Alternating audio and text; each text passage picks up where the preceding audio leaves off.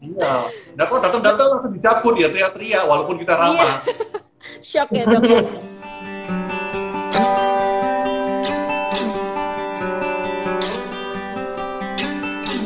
Jadi untuk mama papa mungkin penasaran siapa sih bintang tamu kita yang satu ini? Ini adalah dokter gigi anak. Namanya adalah dokter gigi Handi WH, spesialis sekarang gigi anak. Bener dok? Ya, uh, ke kedokteran gigi anak. Kedokteran betul. gigi anak lebih tepatnya. Seorang dokter gigi dan juga penanggung jawab dari At Dental Land Clinic SBY. Yes, Dental Land yep. Clinic, betul. Benar. Jadi dan ini memang klinik gigi anak, kalau bisa dilihat di belakang ini uh, nuansanya anak-anak banget. Walaupun orang-orang biasanya takut sama kursi ini, tapi kan yep. kalau lihat di situ kan asik kan. Nah, jadi lebih ringan lah lebih rileks gitu ya kalau duduk di situ dok ya. Dok, ini ya. sebenarnya kalau ngomongin gigi itu nggak cuma anak kecil yang takut, orang dewasa pun sebenarnya takut banget untuk ke dokter gigi. Tapi malam hari ini sebenarnya kita ini wajib untuk menjaga kesehatan gigi anak ini sedari dini. Yang mana orang-orang tuh banyak remehin hmm. karena katanya gigi susu ngapain dirawat, toh nantinya juga akan berganti dengan gigi permanen. Kenapa sewajib itu dok untuk kita merawat? Ya, karena gigi susu itu uh, penting sekali untuk fungsi pengunyahan daripada anak-anak. Kalau anak tidak punya gigi, tentu mereka akan kesulitan untuk makan. Atau kalau giginya sakit, mereka juga nggak bisa makan. Akhirnya pertumbuhan perkembangannya jadi terganggu. Saya ada hmm. beberapa anak ketika belum dirawat, giginya mereka itu uh, sulit makan dan akhirnya kecil. Apa perawakannya ini kecil. Oh. Karena nggak bisa makan katanya gitu orang tuanya setelah dirawat giginya bagus, akhirnya mereka makannya banyak dan satu dua bulan tiga bulan kontrol tuh, oh sudah besar ini datanya cepet banget besarnya, gitu. Awalnya datang waktu kecil karena giginya sakit dan bisa makan. Kurus. Oke, okay. karena gigi susu ini sebenarnya penting ya dok ya, walaupun bahasanya adalah gigi susu yang nantinya juga akan terganti. Fungsinya ya. tadi selain untuk bisa mengunyah makanan yang bergizi, apalagi nih dok? Nah, yang berikutnya untuk menjaga space daripada gigi permanen sehingga gigi permanen yang tumbuh nanti pada waktunya itu bisa sesuai dengan urutan dan posisinya. Jadi saya kasih okay. sebuah ilustrasi. Kalau gigi susunya itu lepas lepas dahulu, misalnya geraham susu itu hmm. lepas dahulu, akhirnya hmm. tetangga-tetangga itu menggeser. Nah, pada waktu oh. gigi permanennya penggantinya pun tumbuh, bingung loh, tempatku kok sudah tidak ada, sudah ketutup akhirnya dia tumbuhnya okay. miring depan miring samping begitu akhirnya jelek justru dan proses pergantian gigi susu mm-hmm. iya berantakan dan terjadinya pergantian gigi susu itu kan tidak dalam satu malam hilang semua lalu mm-hmm. satu malam tumbuh semua kan nggak gitu tumbuhnya mm-hmm. kan satu ganti satu ganti yeah. kalau keadaan gigi susunya jelek semua yang pertama kali tumbuh gigi permanen bingung teman-temannya kok rusak semua akhirnya yang baru tumbuh pun ketularan rusak Oh, begitu. Okay. Jadi itu yang sering kali tidak diper, tidak dipikirkan, tidak dipertimbangkan oleh orang tua orang tua negara plus 62 ini. Jadi untuk mama papa jangan ngeremehin untuk pertumbuhan gigi susu karena gigi susu sendiri walaupun nantinya akan tanggal harus tetap dirawat. Setuju. Dan nanti dampaknya ke depannya dok selain tadi giginya berantakan pada akhirnya gigi permanennya berantakan ada lagi nggak dok dampak-dampak yang sekiranya mama papa jadi ah saya mulai dari sekarang merawat gigi susu deh jangan ngeremehin. Secara psikologis saya perhatikan anak-anak yang aware self awarenya itu bagus mereka tidak percaya diri loh ketika giginya rusak. Ketika benar, mereka benar. senyum giginya rusak. Karena saya sering juga kalau dipanggil ke sekolah-sekolah playgroup TK SD kelas 1 kelas 2 penyuluhan dental health education ke mereka.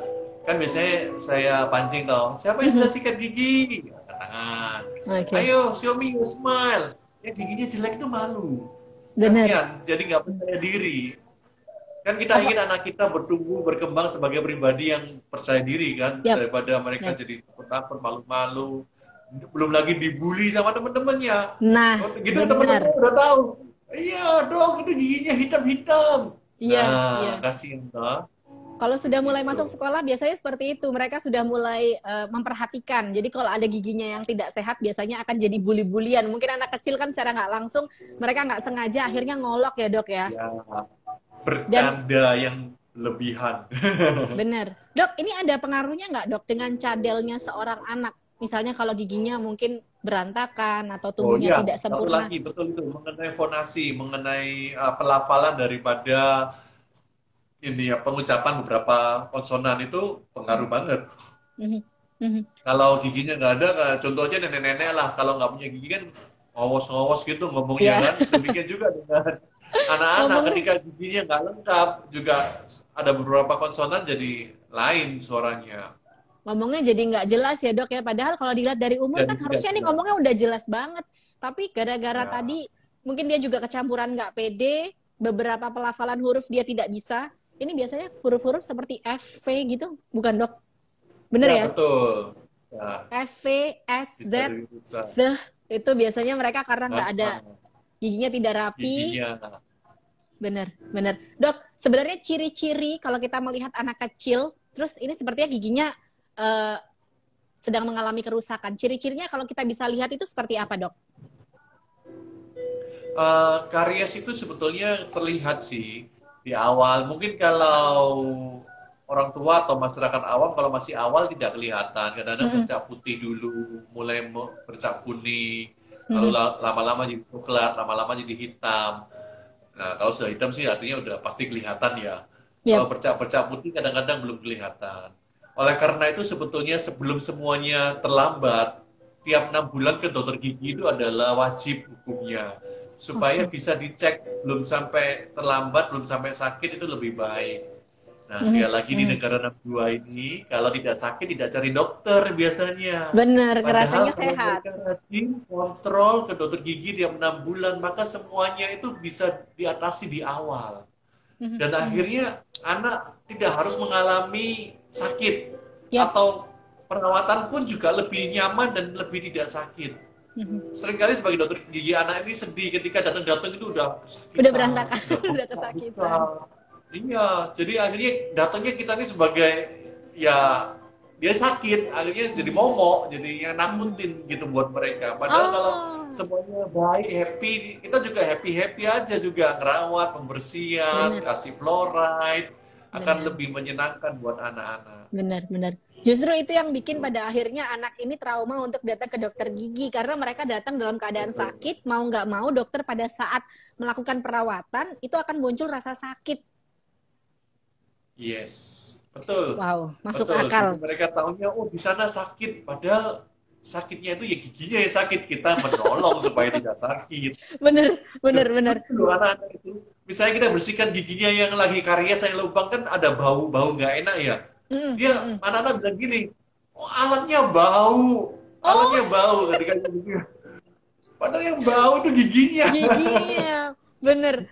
Dok, Iya. ini berarti kalau ini banyak yang bilang dok, dok, eh, gigi susu emang hitam. Tadi dokter sempat menyebutkan itu sebenarnya salah satu ciri-ciri kerusakan gigi susu pada anak.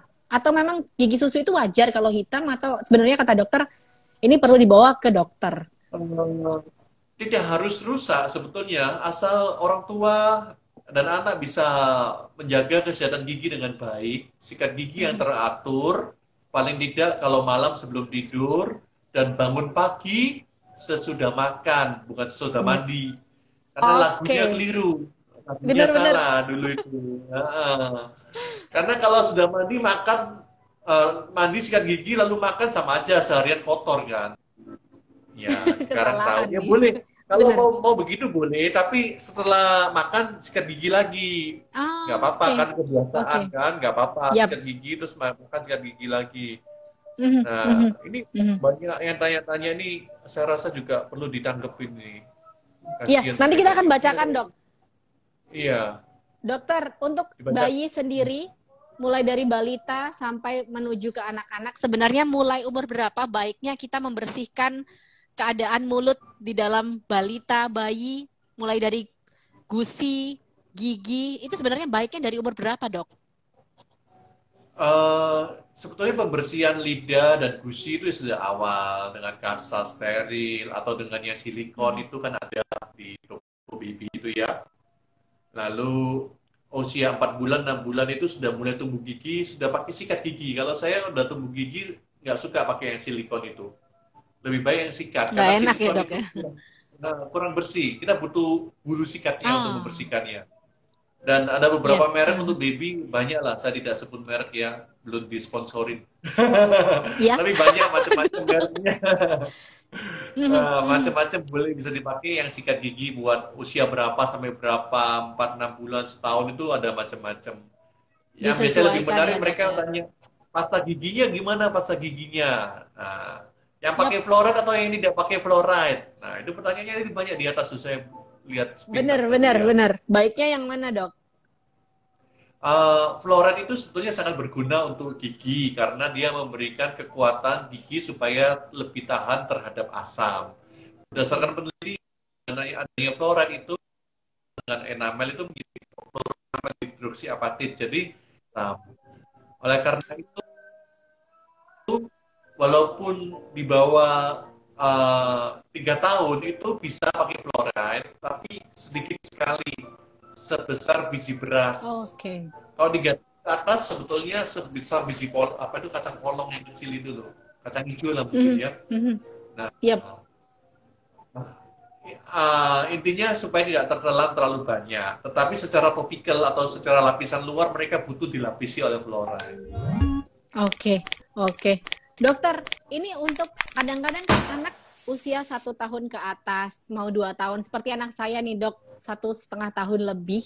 Ini kadang-kadang ya. pada saat kita hmm. menyikat giginya, itu mereka lebih tertarik untuk sikat gigi sendiri, yang ada mereka gigit-gigit, bukan sikat gigi pada ya. umumnya gitu. Tapi itu wajar kah dok? Memang kita nggak bisa sebersih itu untuk menggosok gigi anak atau seperti apa? Uh, di usia-usia anak yang setahun lebih, dua tahun seperti itu memang wajar banget mereka ingin juga bermandiri, mereka juga ingin bermain dengan mhm. sikapnya. Jadi eh, kadang-kadang ya kita perlu lepaskan mereka untuk melakukan itu. Pegangnya jangan terlalu di, di ujung agak tengah supaya kalau kesogro enggak kan motoriknya belum terlalu ya. bagus oh. supaya enggak terlalu okay. tusuk ke dalam. Okay. Jadi agak di tengah. Tapi juga tetap harus dipantau, kadang-kadang dibantu, dibersihkan. Terus kadang-kadang mereka pengen pegang sendiri ya, kasih ya main kucing-kucingan lah main kucing-kucingan. Jadi bener, lepas bener. ambil lepas ambil gitu gitu. Kalau lepas mereka Keren. semua uh, habis sikat giginya dimakan nanti. Kreatif kreatifnya orang tua ya dok ya.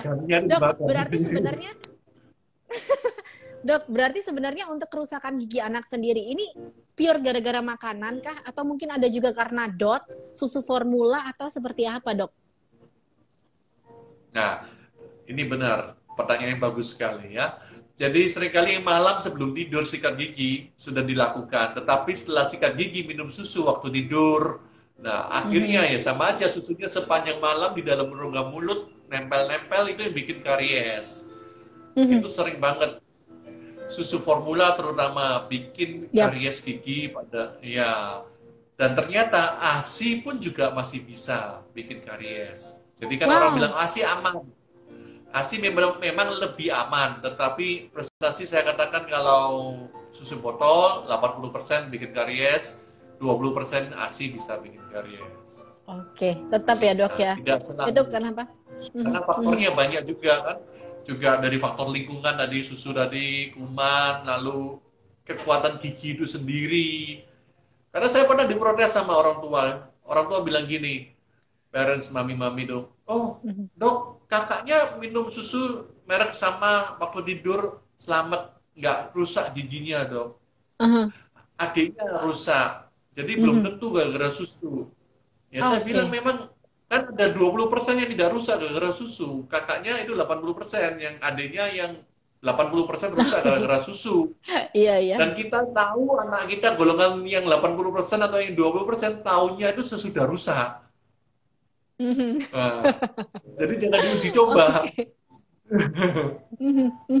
Dok, untuk gigi anak yang rusak, dokter menyarankan tambal atau cabut, dok? Nah, ini penting sekali. Selama gigi ini bisa dirawat, kita menganjurkan gigi susu dipertahankan selama mungkin di dalam rongga mulut sampai pada waktu gantinya gigi. Jangan sampai hilang dahulu. Kehilangan prematur menghilangkan uh, membuat ya tadi fungsi makan berkurang, lalu membuat pergeseran gigi dan sebagainya. Memang kalau memang terpaksa dijabut karena terlalu rusak, terlalu parah, Ya. kita bisa pakai uh, space maintainer atau alat-alat lagi lebih repot. Jadi kalau bisa ya yang ada itu dipertahankan dirawat yang baik daripada harus mengganti dengan yang lain. Gitu. Mhm, mhm. Jangan asal Oke. cabut, kasihan. Yap, Kadang-kadang yap, orang tua yap. juga maunya cepet kan. Wes biar Mhm, nggak mhm. sakit dong anaknya, biar cepet cabut. Nah, yang perlu dibayar, yang perlu dipikirkan selain konsekuensinya, kadang-kadang orang tua lupa untuk memikirkan proses menjabutnya. benar, benar, benar. Juga butuh proses. Wow. Di anestesi, diinjeksi, dicabut. Kan lebih tidak nyaman daripada menempel gigi. Saya banyak sekali Mhm. video-video anak-anak yang nempel gigi umur 2-3 tahun, semuanya sangat kooperatif. Tinggal bagaimana kita memperkenalkan diri, memperkenalkan alat, membuat nyaman anak-anak, sehingga mereka mau dirawat dengan eh, kooperatif, dengan tenang. Mhm, mhm. Nggak teriak-teriak ya dok ya? Iya. Nah kalau datang-datang langsung dicabut ya teriak-teriak, walaupun kita ramah. Shock ya dok. ya? Dok, sebenarnya untuk gigi Iya. susu anak sendiri, ini normalnya tumbuhnya pada saat umur berapa dok? Dan gejalanya itu seperti apa? Benar nggak sih dok? Katanya anak tuh rewel, terus badannya panas, atau sebenarnya nggak harus ngelaluin hal-hal itu?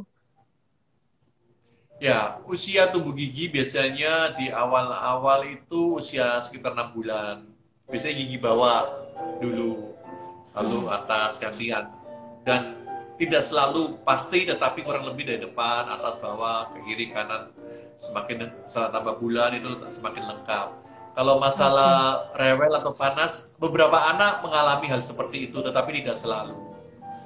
Tidak Oke. selalu. Dok, di saat tadi pun kan kasih obat. Hmm. Kasih Masih- obat penurun panas Mhm, itu mhm. meredakan rasa sakit atau tidak nyamannya anak. Oke.